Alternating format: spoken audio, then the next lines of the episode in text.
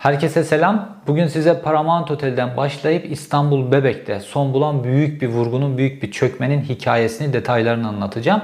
Sedat Peker Paramount Otel konusunu gündeme getirdikten sonra herkes oraya fokuslandı. Biz de sıcağı sıcağına videolar yaptık. Otelin varisleri ortaya çıktılar, konuştular.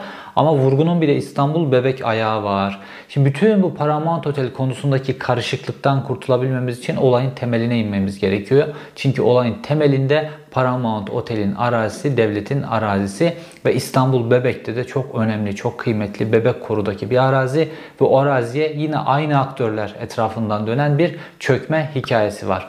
Önce Paramount Otel ile başlayalım sonra İstanbul Bebek'teki büyük vurguna doğru ilerleyeceğiz.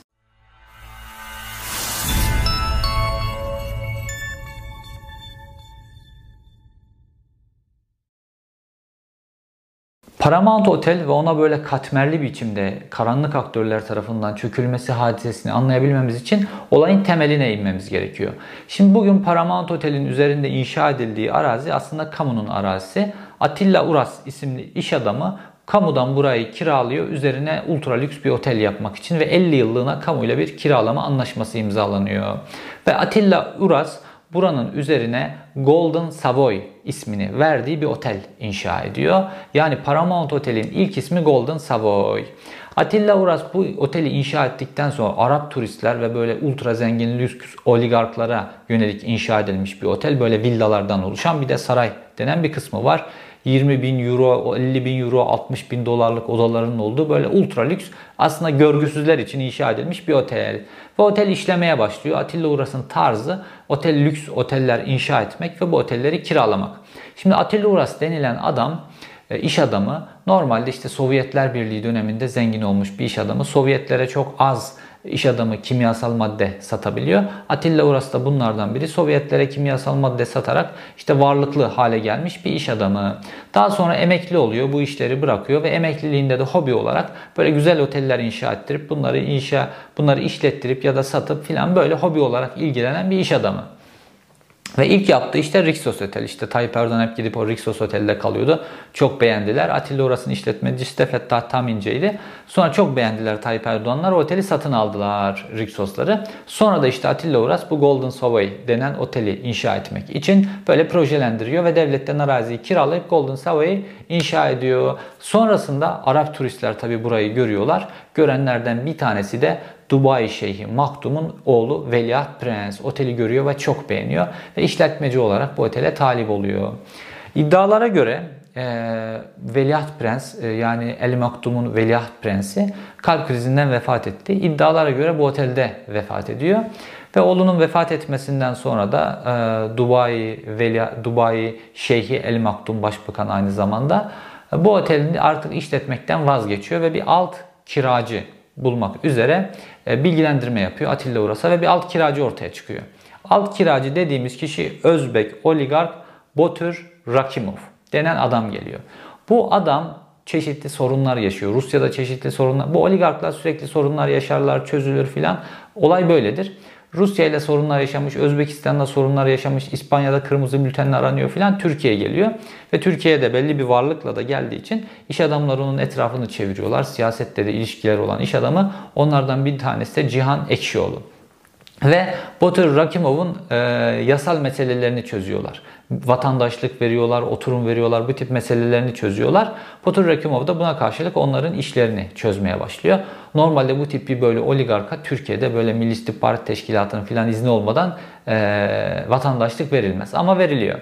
Batur Rakimov oteli işletmeye başladıktan sonra yani Otel Golden Savoy sonra Jumirah Ondan sonra Batur Rakimov döneminde Paramount haline geliyor. İşte bu Paramount Pictures denen e, Hollywood'la görüşüyor. Onların isim hakkı alınıyor, konseptler filan. Otel farklı bir konsepte dönülüyor. Nicole Kidman çağrılıyor. Ünlü Hollywood yıldızları, ünlü Amerikalı sanatçılar çağrılıyor. Görkemli bir yeniden açılış açılıyor. Yapılıyor sanki otel yeniden inşa edilmiş gibi. Ve Batur Rakimov Yavaş yavaş otelin sahibi Atilla Uras'a yönelik problemler çıkarmaya başlıyor. İşte çökme işi hadisesi başlıyor. Çünkü oligarklar belli yerlere çökerler. Arkasında siyasi güç de var Türkiye'de. Çökme hadisesine doğru iş gidiyor ve problemler çıkıyor. Otelin kiraları ödenmiyor, otelin inşaatı ile ilgili problemler çıkartılıyor.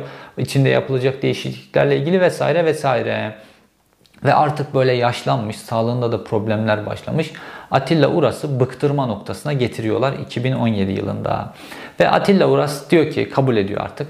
Tamam diyor ben bu oteli size satayım buradan çıkayım diyor Atilla Uras. Ve oturuyorlar pazarlık yapıyorlar. 80 küsür milyon dolara anlaşıyorlar. Ve anlaşmanın ilk çeki de Botur Rakimov tarafından yazılıyor.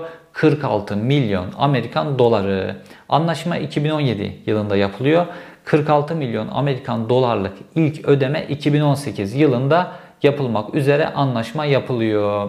Ve ondan sonra işler yavaş yavaş karışmaya başlıyor. Otelin sahibi Atilla Uras normalde Botur Rakimov'u tanımıyor. Bunu Turan Avcı denen kişi getiriyor. Atilla Uras da Turan Avcı'yı tanıyor. Turan Avcı Türkiye'deki Rus oligarkların işlerini yapan bir adam. Ve Atilla Uras'ın karşısına 3 kişi oturuyor. Turan Avcı, Cihan Ekşioğlu ve Botur Rakimov. Bunların üçü oturuyorlar ve oteli biz alırız diye söylüyorlar. Fakat verilen ilk o 46 milyon Amerikan dolarlık çekte Andrei diye bir başka bir Rus'un ismi var. Ve Atilla Uras da muhtemelen şöyle düşünüyor. İşte başka bir Rus oligark var bu işin arkasında. Ondan aldıkları çekle ilk benim 46 milyon dolarımı ödeyecekler diye düşünüyor. Fakat Atilla Uras oraya bir şert düşüyor. Diyor ki bu ilk ödeme olan 46 milyon dolar zamanında ödemezse sözleşme fesholunur ve 10 milyon dolar da cezası var diyor. Kendisini sağlama alıyor Atilla Uras. Fakat ödeme günü geldiğinde ki Atilla Uras da otelin içindeki bir villada yaşıyor. Paramount Otel'in içindeki bir villada yaşıyor. Ödeme günü geldiğinde Atilla Uras'ın sağlığı yavaş yavaş bozuluyor filan. Artık solunum cihazına bağlı hale getiriyor. Bununla ilgili kızı e, Yasemin Uras'ın iddiaları var. Babasının sağlığının kasten bozulduğu, uyuşturucu verildiği gibi e, iddiaları var. Babasının sağlığı bozuluyor ve en son işte e, solunum cihazına bağlanıyor. Boğazı delinerek oradan nefes alarak yaşamaya başlıyor. Ve iddiaya göre o cihazın o borusu oradan çıkıyor ve o gece komaya giriyor. Hangi gece? Ödemesinin yapılacağı bir gün sonra ödemesi yapılacak ondan bir gün önceki ge- gece Atilla Uras hayatını kaybediyor. Ondan sonra ne oluyor? Ödemenin yani sözleşmenin yapılacağı günden bir gün önce Atilla Uras hayatını kaybedince artık çocukları mirasçı oluyor. Yani ortaya karışık bir tablo çıkıyor. Çocuklar mirasçı, esas otelin sahibi ölmüş, çek günü gelmiş ödenmemiş falan karma karışık bir tablo. Şimdi bir yere çökmek için Önce ortaya böyle bir karışık tablo çıkartıyorlar. Bu çete böyle çalışır. Önce hukuken karışık bir tablo çıkartıyorlar. Finansı olarak karışık bir tablo çıkartıyorlar. Sonra kişiler hukuk da bu kişilerin arkasında olduğu için, siyasi güç de bunların arkasında olduğu için normal kişiler, mal sahipleri bu işin içerisinden çıkamıyorlar. Neye satsak kardır noktasına bunları itiyorlar. Sonra da atıyorum 100 milyon dolarlık oteli 10 milyon dolara kapatıp işi bitiriyorlar. Bunların çökme sistematiği bu. Fakat sistemi bozan, bunların çarkına çoma sokan bir figür ortaya çıkıyor. O da Yasemin Uras. Yasemin Uras Amerika'dan geliyor, hukuk süreçleri başlatıyor ve bunların üzerine yüklenmeye başlıyor. Peki diyeceksiniz ki Sezgin Baran Korkmaz bu işin neresinde? Atilla Peker Sezgin Baran Korkmaz'dan bahsetti. Şimdi bu karışıklık işini, hukuki karışıklık işini ve buradan aile üzerine baskı kurma işini Cihan Ekşioğlu yönetiyor. Neden? Cihan Ekşioğlu işte Binali Yıldırım'la, Süleyman Soylu'yla, Hakan Fidan'la bunların hepsiyle samimi bir adam. Dolayısıyla bu işi o alıyor. Bundan dolayı oradaki o çökme işinde bir yüzdesi var. İşin bir de finansi finans olarak çözülmesi lazım. Çünkü Botur Rakimov da bu iş çökme işinde e, aktör. Ona da bir pay verilip bu işten ayrılması lazım. Ayrıca en sonunda aileye de 3-5 kuruş bir şey verilecek bir de onun verilmesi lazım. Bunun karşılığında da bir finansın gelmesi lazım oraya. İşte orada Sezgin Baran Korkmaz'ı devreye sokuyorlar. Çünkü Sezgin Baran Korkmaz yurt dışında bulunan ama Türkiye'ye sokulmak istenen paraları legalleştirme konusunda uzman ve Sezgin Paran Korkmaz da bu beyazı kişilerin 30 milyon dolarıyla gelip bu işin içerisine giriyor. 30 milyon dolar bu havuzun içine konunca Batur Rakimov bu 30 milyon doları alıyor gidiyor. Sonra ne olacak? Batur Rakimov Sezgin Baran Korkmaz'ın borcu günü geldiğinde ödemeyecek. Dolayısıyla da Sezgin Baran Korkmaz otelin hisselerine konmuş olacak. O para legalleşmiş olacak. Sezgin Baran Korkmaz'ın buradaki fonksiyonu bu. Sezgin Baran Korkmaz finansı çözüyor. Ee, Cihan Ekşioğlu devletle olan karışıklığı ve mahkeme işlerini koordine ediyor. Batur Rakimov da işte bu çökme işinin organizatörü, oligark. Ondan sonra o da payını alıp gidiyor. Sistem bu şekilde kurulmuş. Fakat Yasemin e, Uras olaya bastırınca olayı daha da zorlaştırmak için başka bir formül buluyorlar. Şimdi Yasemin Uras gelip davaları açınca otelin bir değerinin belirlenmesi lazım ki ona göre harç belirlenmesi lazım. Şimdi Türkiye'de devlet hukuk öyle bir sistem belirlemiş ki diyelim sizin malınızla ilgili bir karışıklıklar var. Fabrikanız o bu filan zaten o karışıklık sürecinde batıyorsunuz siz. Fakat o malınızla ilgili dava açtığınızda malınızın değerinin belli bir yüzdesi kadar harç ödemeniz lazım. Bu yüzde çok yüksek. Yani burada da Sezgin Baran Korkmaz diyor ki bu otelin diyor 80 küsür milyon dolar almalarına rağmen bu otelin diyor e, değeri 127 milyon dolar diyor Sezgin Baran Korkmaz. Dolayısıyla ödenecek harç miktarı çok yükseliyor. 5-6 milyonla neredeyse yükselen bir harç durumu oluyor. Bunu şöyle düşünüyorlar. Bunu bulamazlar, ödeyemezler ya da ödemekte zorlanırlar. Bunu koyup da kazanıp kazanmayacakları belli değil. Bunu riske atamazlar. Dolayısıyla bizimle bir pazarlık masasına otururlar. 3-5-10 milyon dolar veririz aileye bu işi kapatırız. Çökmenin sistematiği bu. Olayı da daha karışıklaştırmak için e, Atilla Uras vefat ettiği gün onun kaldığı villaya giriliyor. Oradaki çelik kasa kırılıyor. Oradaki otelin hisseleri alınıp Polonya'ya götürülüp 2500 liraya kurdukları bir şirketin üzerine geçiriliyor. Normalde fake bunların hepsi. Bunların hepsini aile ispat edebilir o Polonya'daki şirket. Geçi çünkü bir alacak verecek bir para dönmemiş orada falan ispat edebilir. Ama bunların hepsi zaman alacak. Normal insanlar bunlardan normal yatırımcılar yoruluyorlar. Bunun için karışık hale getiriyorlar ki çökebilelim buraya. Ve ama Yasemin Uras kendi payıyla ilgili çünkü o dört kardeşler burada %25 kendi payı. Kendi payıyla ilgili harcı yatırıyor ve konuyu yargıya taşıyor. İşte bundan sonra çökmenin daha da katmerli olduğu olayın ta bebeğe kadar uzandığıyla ilgili gerçekler yavaş yavaş Yasemin Uras tarafından açığa çıkartılıyor. Yasemin Uras olayları incelemeye başladığında bakıyor ki hisseler bunların üzerine geçmiş. Karşılığında bir ödeme yok. Ortada 46 milyon dolarlık bir çek var. Karşılığında ödeme yok. Otel elden gitmiş ama para ortada yok. Hani Yılmaz Erdoğan'ın organize işleri filminde bir diyalog var ya. Araba nerede yok, para nerede yok, araba nerede yok, para nerede yok. Yasemin Uras da bakıyor ki şimdi otel elden gitmiş. Karşılığında babasının cebine bir kuruş para girmemiş. Hisseler gitmiş. Bunun karşılığında para girmemiş. Otelin işletmesi bunlarda hala işletiyorlar. Hala otelden para kazanıyorlar. İşte odaların geceliği 60 bin dolar. Otel sürekli full çekiyor gözüküyor filan. Burada kara para akladıkları belli. Özellikle 501 nolu odanın merkezi olmak üzere. Fakat Bunların babasının cebine giren hiçbir şey yok. Sonra Yasemin Uğraş araştırmalarını derinleştirdikçe derinleştirdikçe bir de bakıyor ki babasının Bebek Koru denen İstanbul'un göz bebeklerinden bir mekan Bebek Koru'daki arazisi de elden gitmiş. Onun karşılığında da bir ödeme ile ilgili bir sözleşme yapılmış. Fakat bununla ilgili de babasının cebine bir kuruş para girmemiş. Şimdi burada bir dolandırıcılık çökme hadisesi var. Bir de babasının yaşlı olması nedeniyle attırılan imzalar filan gibi karışık bir durumlar var. Yasemin Aras bunlarla ilgili mücadelesini sürdürüyor bir taraftan. Fakat olayların organizatörüne baktığımızda hep karşımıza Cihan Ekşioğlu isimli isim çıkıyor. Çünkü otelin satışı vesaire gibi konular ne zaman gündeme gelse otelin sahibi ya da alıcısı gibi masanın karşı tarafına oturan kişi hep Cihan Ekşioğlu. Batır Rakimov, Sezgin Baran Korkmaz bunlar hep yandan aktörler. Esas adam Cihan Ekşioğlu. Ve bunu daha önceki videolarımda anlattım. Cihan Ekşioğlu üzerinden müthiş bir kara para aklama sistemi var. Bunun içerisinde Bodrum, Yalıkavak Marina, bunun içerisinde Kıbrıs'taki Falyalı'nın çevirdiği sistem ve bu üçgende bir kara para aklama hadisesi var ve bunun için bunlara çok ultra lüks böyle işte Arapların gelip de çok böyle tonlarla para harcadığı gibi gözüken bir otel lazım bunlara bu kara para aklama sistematiği için. Otel bunun için gerekli. Onun için de Cihan Ekşioğlu çok seviliyor. İşte Yasemin Uras diyor ya oteli üzerlerine geçirdikleri gün yani o hisseleri babasının kasasından kaçırıp da Polonya'ya götürüp o fake firmanın üzerine geçirdikleri gün Cihan Ekşioğlu işte tanklarla tankla otele geliyor ve bunu kutluyor. İşte kimi iddialara göre askeri zırhlı araçla gelip bunu kutlanıyor. Oteli fethettim diye bunu kutlanıyor. Fakat otelin e, görevlilerinin iddiasına göre o gün işte bu iş olduğunda Cihan Ekşioğlu bir gün böyle hava kalkıyor silahından şarjörü, bütün şarjörü havaya boşaltıyor.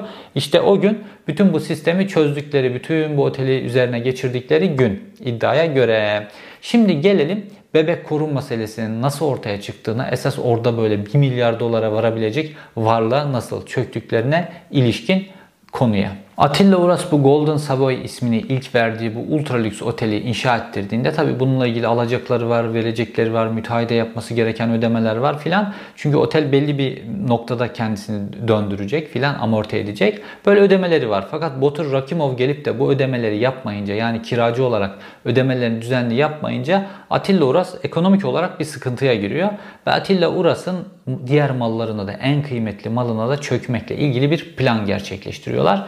Ve işte burada otelin müteahhiti devreye giriyor. Otelin müteahhiti Baki Kayan. Atilla Uras'ın elinde İstanbul'da, Bebek'te muhteşem bir arazi olduğunu biliyor. Muhtemelen Atilla Uras onunla konuşmuştur. Bu arazi nasıl yapılır, ne yapılır filan diye. Ondan dolayı bu bilgiye sahip. Ve Baki Kayan bir gün bir teklifle geliyor. Diyor ki bir kişi diyor senin bu arazini almak istiyor. Normalde sürpriz bir teklif. Niye? O bebek koru dediğimiz alan Kenan Evren tarafından yeşil alan ilan edilmiş bir yer. Kenan Evren işte İstanbul'da bir gün geçerken bakıyor Etiler Bebek civarında yeşil alanlar hep tükenmiş. Nadir kalan arazilerden bir tanesi ve orayı o bebek koruyu komple yeşil alan ilan ettiriyor ve dolayısıyla orayı komple imara kapatıyor. O günden beri de orası yeşil alan olarak kalıyor. Normalde e, Atilla Uras orayı kendisi ve dört çocuğuna birer tane villa yaptırmak için planlamış. Üzerinde sadece bir tane bağ evi var. Gerisi komple yeşil alan. İstanbul Boğazı'na bakan muhteşem, değeri ölçülemeyecek bir alan. Fakat yeşil alan olduğu için sadece üzerindeki mevcut bağ evi tamir ettirilip orada yaşılıyor. Onun dışında herhangi bir çivi bile çaktırılmıyor. Fakat bir gün sürpriz birisi çıkıyor ve ortaya Baki Kayan üzerinden çıkıyor ve diyor ki ben burayı almak istiyorum. Atilla Uras da tabi e, otelin kiracısı ödemeleri yapmadığı için sıkışmış. Otelin hiç olmazsa kurtarabilmek için otelini tamam diyor ve 32 milyon TL'ye Bebek koru, koruyu satıyorlar. 13 bin metrekarelik alan. İstanbul Boğazı'na bakan muhteşem bir alan. 32 milyona satıyor. Ve alan alan kişi kim? Botur Rakimov. Fakat bu sefer başka bir isimle satın alıyor. İşte burada ortaya çıkıyor ki Botur Rakimov Bahtiyar İkramoğlu ismini almış. Yani normalde e, Paramount Otel'e çökerken Botur Rakimov kimliğini kullanıyor. Fakat buradaki İstanbul'daki Bebek'teki araziye çökerken Bahtiyar ismini kullanıyor. Botur Rakimov. Fakat çökmenin hepsi yine bu oligark üzerinden gerçekleşiyor. Fakat arkada bütün işleri ayarlayanlar Türk aktörler. Fakat Batur Rakimov ve bütün hukuksuzluklarıyla filan çekip Türkiye'den gidiyor Özbekistan'a. Bütün hukuksuzluklar onunla beraber gidiyor ama mal, mülk, çökme bunların hepsi buradaki organizatörler tarafından yürütülüyor. Şimdi ilk iş ne yapıyorlar? Bu araziyi 32 milyona aldılar ya bu araziyi. Hemen gidiyorlar bankaya. Bankanın ismini vermeyeceğim. Ve bu araziyi teminat gösterip 50 milyon çekiyorlar. 50 milyon e, kredi çekiyorlar. Ve bunu iç ediyorlar tabii kendi aralarında. Fakat bu 50 milyon hiçbir şey. Aralarında siyasi e, iktidarın gücü olduğu için arkalarında bu arazi satın alınır yeşil alan. Ondan sonra bunun imarı değiştirilir. İmarı değiştirdikten sonra 32 milyona alıp üzerine de 50 milyon kredi çektikleri yani bunlar hadi diyelim 80 milyonluk büyüklükteki bu arazi bir anda verilecek emsale göre milyar dolarlık bir araziye dönüşebilir. Bu ellerinden neden? Çünkü siyasi iktidar ellerinde. Cihan Ekşioğlu'nun siyasi iktidarla her türlü bağ var. İmar işi zaten Binali Yıldırım'da, Cihan Ekşioğlu Binali Yıldırım'da kanka, İçişleri Bakanı'yla kanka filan hepsiyle bu işi halledebilir çok rahat. Fakat burada da enteresan bir şey var. Arazi Atilla Uras'tan bunlara geçmiş fakat para nerede? Bunun karşılığında da herhangi bir ödeme bu tarafta yani mal sahibi tarafında gözükmüyor. İşte Yasemin Uras bütün bunların hepsiyle mücadele ediyor bir taraftan. Fakat ta Paramount Otel'den başlayan İstanbul'da biten büyük bir çökme hadisesi var. Şimdi bu yeşil alanlar meselesi Adalet ve Kalkınma Partisi iktidarının son zamanlardaki en ana çökme hadiselerinden birisi hale geldi. Çünkü İstanbul'daki o kıymetli Tayyip Erdoğan'ın kupon arazi dediği iş var ya Kupon arazi meselesi neredeyse İstanbul'da bitti. Boğaz'ın etrafında neredeyse bitti. İşte şimdi 3. köprüyü açarak yeni kupon araziler oluşturmaya çalışıyorlar. Fakat eski İstanbul'un civarında neredeyse bitti.